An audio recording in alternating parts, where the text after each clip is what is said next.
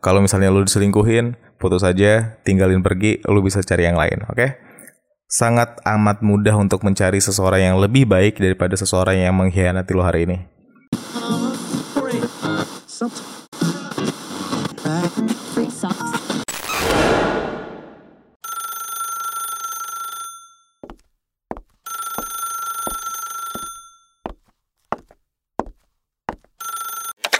Hey, halo semuanya, lu semua lagi dengerin gue Gary Ardian yang udah siap buat ngomongin soal perselingkuhan di episode ke-24 ini. Gue udah berkali-kali tag podcast ini dan selalu diulang-ulang Entah udah keberapa kali, semoga ini yang terakhir, tolong banget. Karena gue udah uh, ngerasa catat segala-gala yang pengen gue bahas di podcast kali ini. Jadi buat yang udah nungguin silahkan Cepet cari tempat paling nyaman yang bisa lo gapai sekarang. Duduk yang manis, tiduran, silahkan rebahan. Dan dengerin gue ngebahas soal Sebenarnya perselingkuhan tuh kayak gimana sih? Sebelum kita mulai, gue kasih spoiler dikit kalau ternyata ini tuh adalah lanjutan dari podcast gue yang judulnya Jadi Baik Aja Gak Cukup. Kita gak cukup jadi pacar yang baik aja uh, Kita juga harus jadi pacar yang menyenangkan kalau belum dengar podcast yang itu, silahkan dengerin dulu.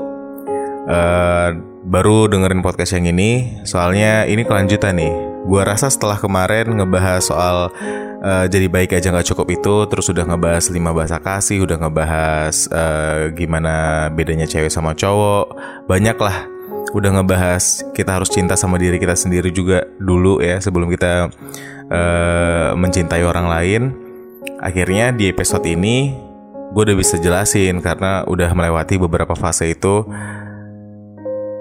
supaya nggak miskomunikasi lagi. Karena ada beberapa mungkin satu banding 100 lah dari komentar yang ada di video kemarin itu eh, nggak uh, nangkep maksud gue itu apa. Jadi uh, mungkin bisa gue jelasin sedikit kalau konteksnya waktu itu adalah ngebahas soal video gue yang viral di Instagram waktu itu kayak bikin you know drama radio gue itu orang bilangnya apa sih bercakap lah atau musikalisasi puisi lah atau apa. Gue sih karena basicnya penyiar di radio gue dulu disebutnya drama radio. Cuman ya on demand sekarang tiba-tiba di internet gitu tiba-tiba di postingan Instagram gue so waktu itu eh, soal perselingkuhan gitu jadi tiba-tiba DM-nya banyak yang masuk nanya gue kak gimana sebenarnya cara buat kita bisa setia atau uh, setidaknya dia tidak uh, kepikiran buat selingkuh gitu. Jadi itu lebih ke cara mencegahnya gitu menurut gue Karena kalau lo bersikeras untuk bilang bahwa kalau dia selingkuh itu udah pasti 100% salah dia. Menurut gue lo terlalu naif. Karena ngejalin hubungan gak lo, gak lo sendirian, gak dia sendirian juga. Semua itu kita tuh selalu bakal punya andil masing-masing dalam hubungan itu. Entah dia 90% salah dan 10 persennya kesalahannya di lo, tetap ada andil di lo supaya uh, yang bikin perselingkuhan dalam hubungan itu terjadi gitu.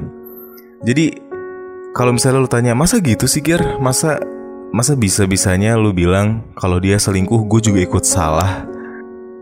Ya emang terlalu aneh aja gitu kalau misalnya dia yang 100% salah. Lu nggak ngapa-ngapain emang lu nggak punya power apa pun di dalam hubungan itu untuk bikin hubungannya jadi lebih baik gitu. Misalnya gini deh misalnya kalau misalnya ngomongin soal uh, jadi baik aja nggak cukup kita harus jadi menyenangkan.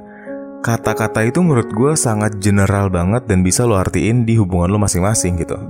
Misalnya di hubungan di hubungan yang beberapa kali gue punya uh, gue tuh menafsirkan jadi baik aja nggak cukup itu ke arah pacar yang membosankan. Karena jadi pacar yang baik itu kerjanya cuma kasih perhatian, uh, terus ngingetin makan doang, uh, marah kalau kita ngelakuin kesalahan. Tujuannya baik, supaya kita jadi orang lebih baik, tapi caranya membosankan. So harus diimbangi menurut gue dengan cara yang menyenangkan. Nah, cara menyenangkan yang gue maksud ini juga general, sesuai dengan kebutuhan kita masing-masing.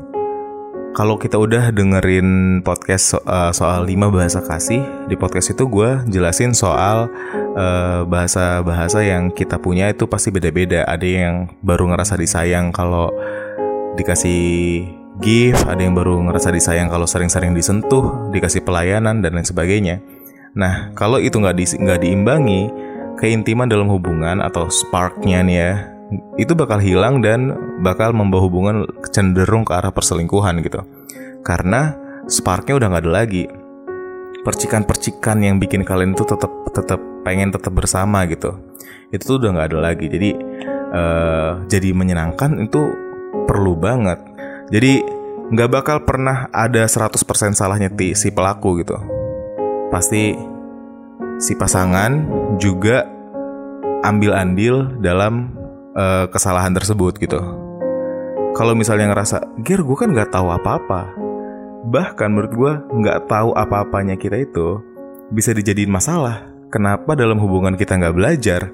Kenapa dalam hubungan kita nggak nggak mencoba mencari tahu gimana caranya supaya hubungan tetap nggak flat dan uh, ada dinamikanya sehingga ngejalaninnya lebih nyaman gitu dan nggak pernah kepikiran untuk uh, selingkuh dengan yang lain. Tapi uh, ya, gue harap lo semua ngerti apa yang gue sampaikan barusan. Yang perlu gue ingetin mungkin satu ya, kalau misalnya lo pikir gue bikin podcast ini tujuannya supaya gue bisa dapat views yang banyak doang enggak gue juga gunain ini sebagai reminder buat gue jadi kalau misalnya gue di ke depan di di masa depan punya masalah yang berhubungan dengan hal-hal yang udah pernah gue bahas. Gue bakal juga nonton dan dengerin apa yang gue sampaikan hari ini atau kemarin-kemarin. Dan gue rasa kemarin waktu gue ngomong jadi baik aja nggak cukup kita juga harus jadi yang menyenangkan itu udah udah cukup baik gue sampaikan untuk mencegah usaha lah ya. Setidaknya kita sedia payung sebelum hujan gitu dan gue rasa nggak ada yang perlu diralat dari apa yang gue sampaikan kala itu. Cuman memang konteksnya waktu itu pure cara mencegah. Eh, nggak uh, ngomongin kalau misalnya udah selingkuh gimana nggak ngomongin obatnya sehingga orang-orang kadang ngerasa kayak wah ini kenapa nih? Kok gue ngerasa ada yang kurang sih? I know. Ya I think gue udah uh, mikirin ini matang-matang sampai you know tadi di awal mungkin gue udah bilang belum ya kalau ini tuh di tag udah berkali-kali supaya gue nggak memberikan informasi yang ambigu atau uh, mengarah ke sesuatu yang lain. Tapi you know semoga lo ngerti deh maksud gue apa ya. So jadi pacar yang baik aja nggak cukup kita juga harus jadi pacar yang menyenangkan menurut gue uh, bisa lo artikan masing-masing yang pasti kalau misalnya kita bandingkan ya kenapa kenapa diri kita akhirnya selingkuh itu kan pasti semuanya karena uh, ada sesuatu biasanya yang nggak bisa didapat dari kita oke okay? uh, eh, waktu itu gue dengar kalau harusnya selag kan gue udah bilang ya kita itu uh, kalau misalnya lo lupa gue ingetin lagi di sebelum sebelumnya gue pernah bilang kalau misalnya uh, ngejalin hubungan tuh ada fasenya. Yang pertama pak puppy love abis itu kita jadi friend kalau nggak salah friendly love atau apa ya gitu.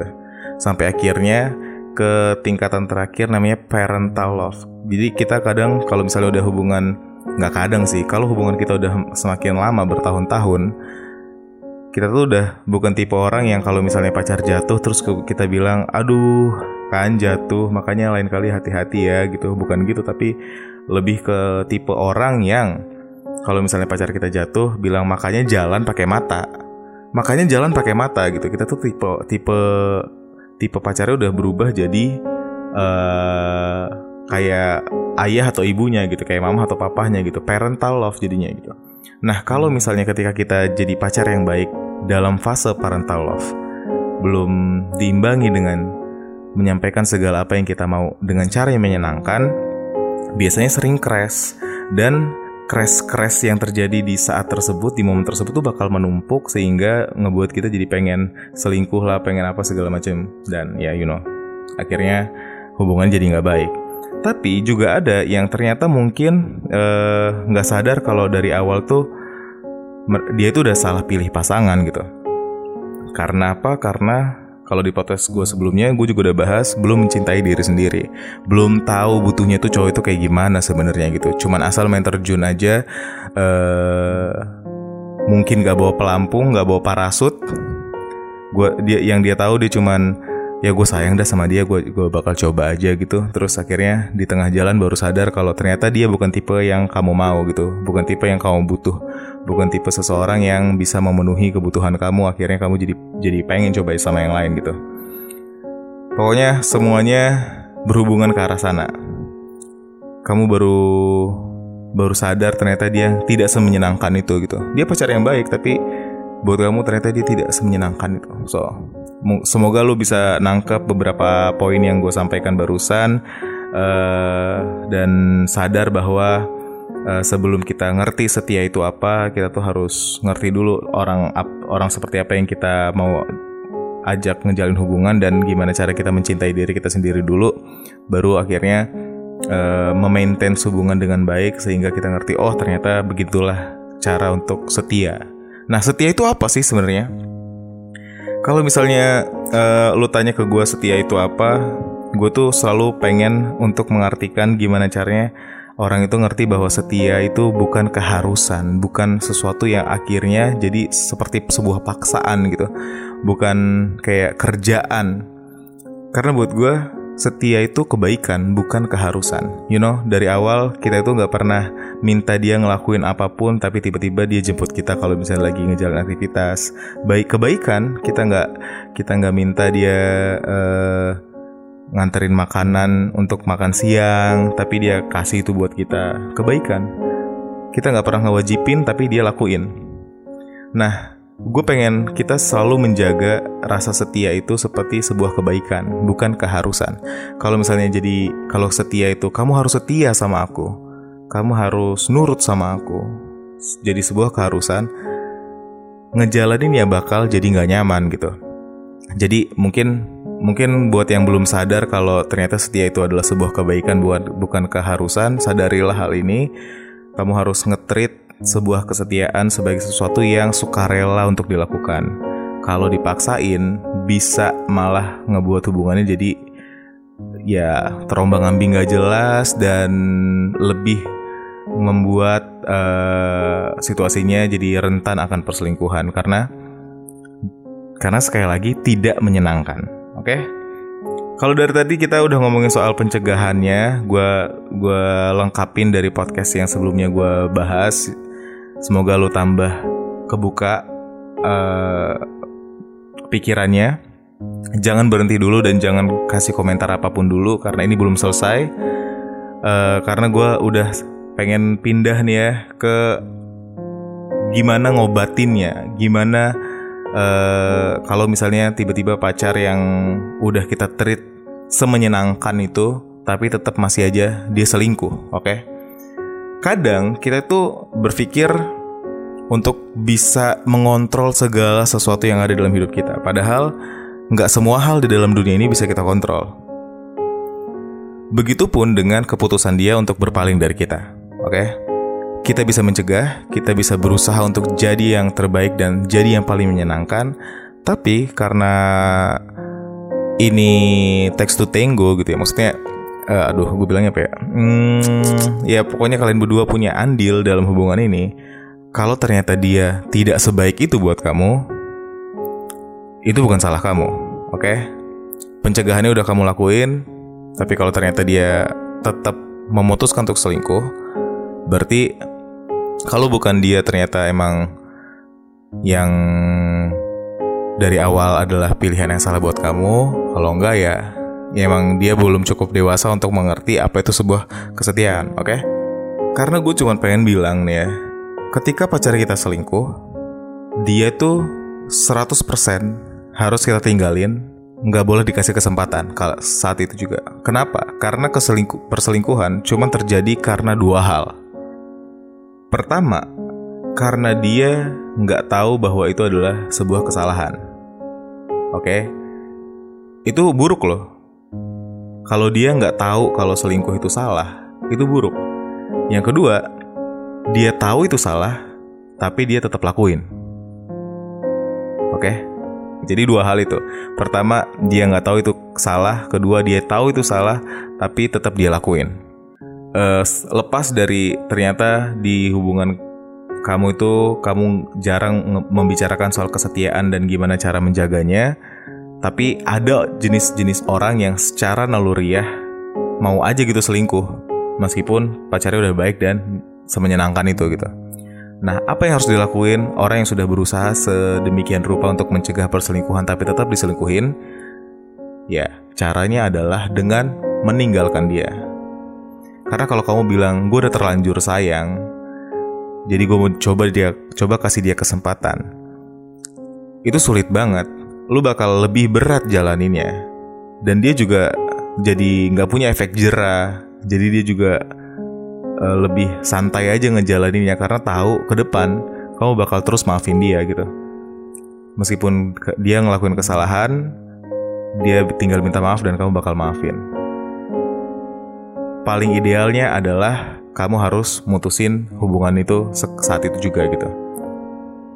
Kalau kamu mau lanjutin, terserah, boleh. Tapi kamu harus tahu resikonya. Resikonya hubungan kalian bakal makin berat di jalan ini. Nah sebelum kita lanjut, gue tuh juga pengen uh, menyampaikan bahwa kadang untuk kita nih di mata orang-orang selingkuh itu beda-beda. Artinya itu apa gitu? Kalau di mata orang-orang yang belum sedewasa itu menjalin hubungan. Bahkan ada yang anggap bahwa uh, kasih komen atau balas story cewek dengan uh, muji-muji cewek lain misalnya itu sebuah perselingkuhan. Buat gue nggak itu itu belum sampai ke arah sana. So buat lo apa gear selingkuh itu? Buat gue perselingkuhan adalah uh, sesuatu yang arahnya menuju ke hubungan intim yang penuh gairah. Oke okay, kalau misalnya cuman uh, berusaha menjalin komunikasi yang baik dengan seseorang aja supaya nggak kaku-kaku amat ya buat gue itu bukan perselingkuhan ya. Anggap aja uh, apa ibaratnya ya? Asal nggak mengarah ke sana lu that's fine lah hubungan lu tetap baik-baik aja. Yang paling parah kalau misalnya lu udah mengkhianati partner lo pasangan lo dengan berhubungan intim dengan orang lain atau mengarah ke hubungan itulah pokoknya ibaratnya gitu. Ya udah jalan berdua nggak nggak ngasih tau pacar uh, di Indonesia itu kadang udah mengarah ke hubungan itu gitu ke yang lebih dekat. Tapi kalau cuman genit-genit dikit ya udahlah jangan jangan terlalu diambil pusing.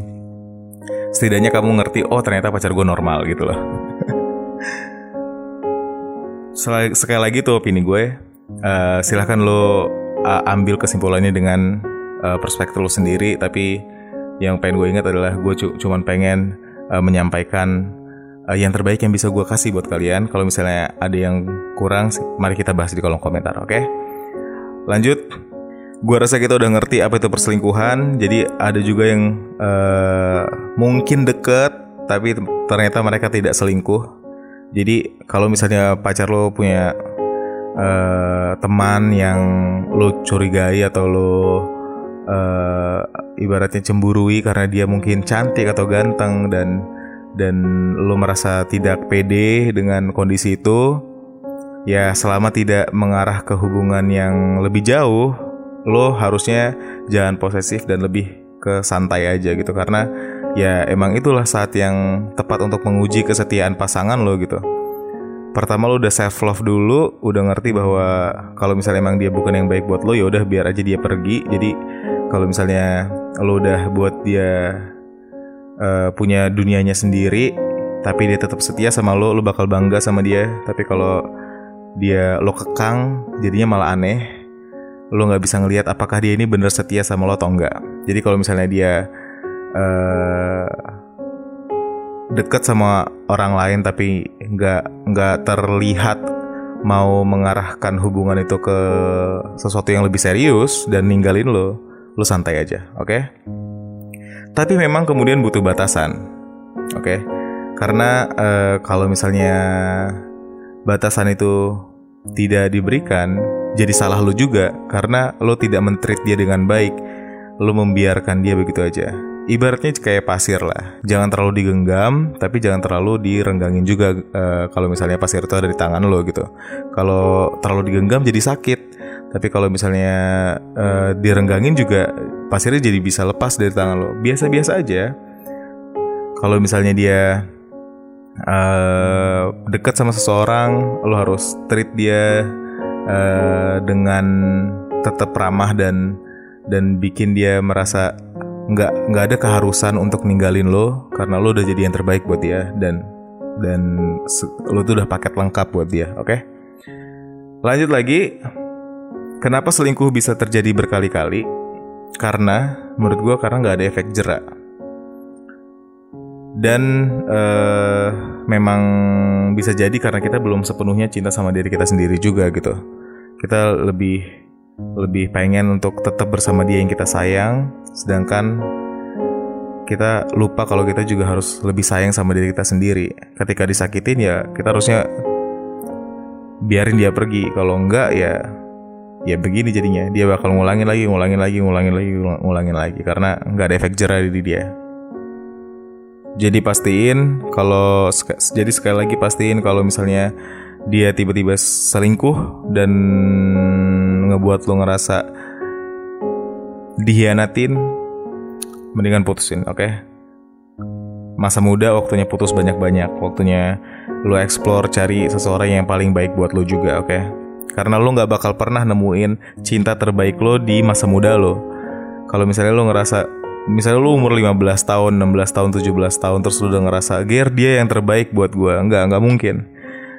Itu sesederhana kalau lu umur 17 tahun sekarang, lu tuh belum bisa ngeliat masa depan lu kayak apa. Jadi kalau misalnya dibandingin ya, lu lu punya pacar di umur 17 tahun, terus di umur 25 tiba-tiba punya pacar lagi yang di umur 25 itu udah pasti uh, yang lebih baik daripada yang di umur 17 tahun karena lebih dewasa, lebih mapan, lebih lebih baik lah lu cuman harus introspeksi diri dan membenahi diri terus-menerus supaya nanti ketika lu diselingkuhin dan ngedapetin pacar baru di masa depan, jaminannya lebih baik gitu.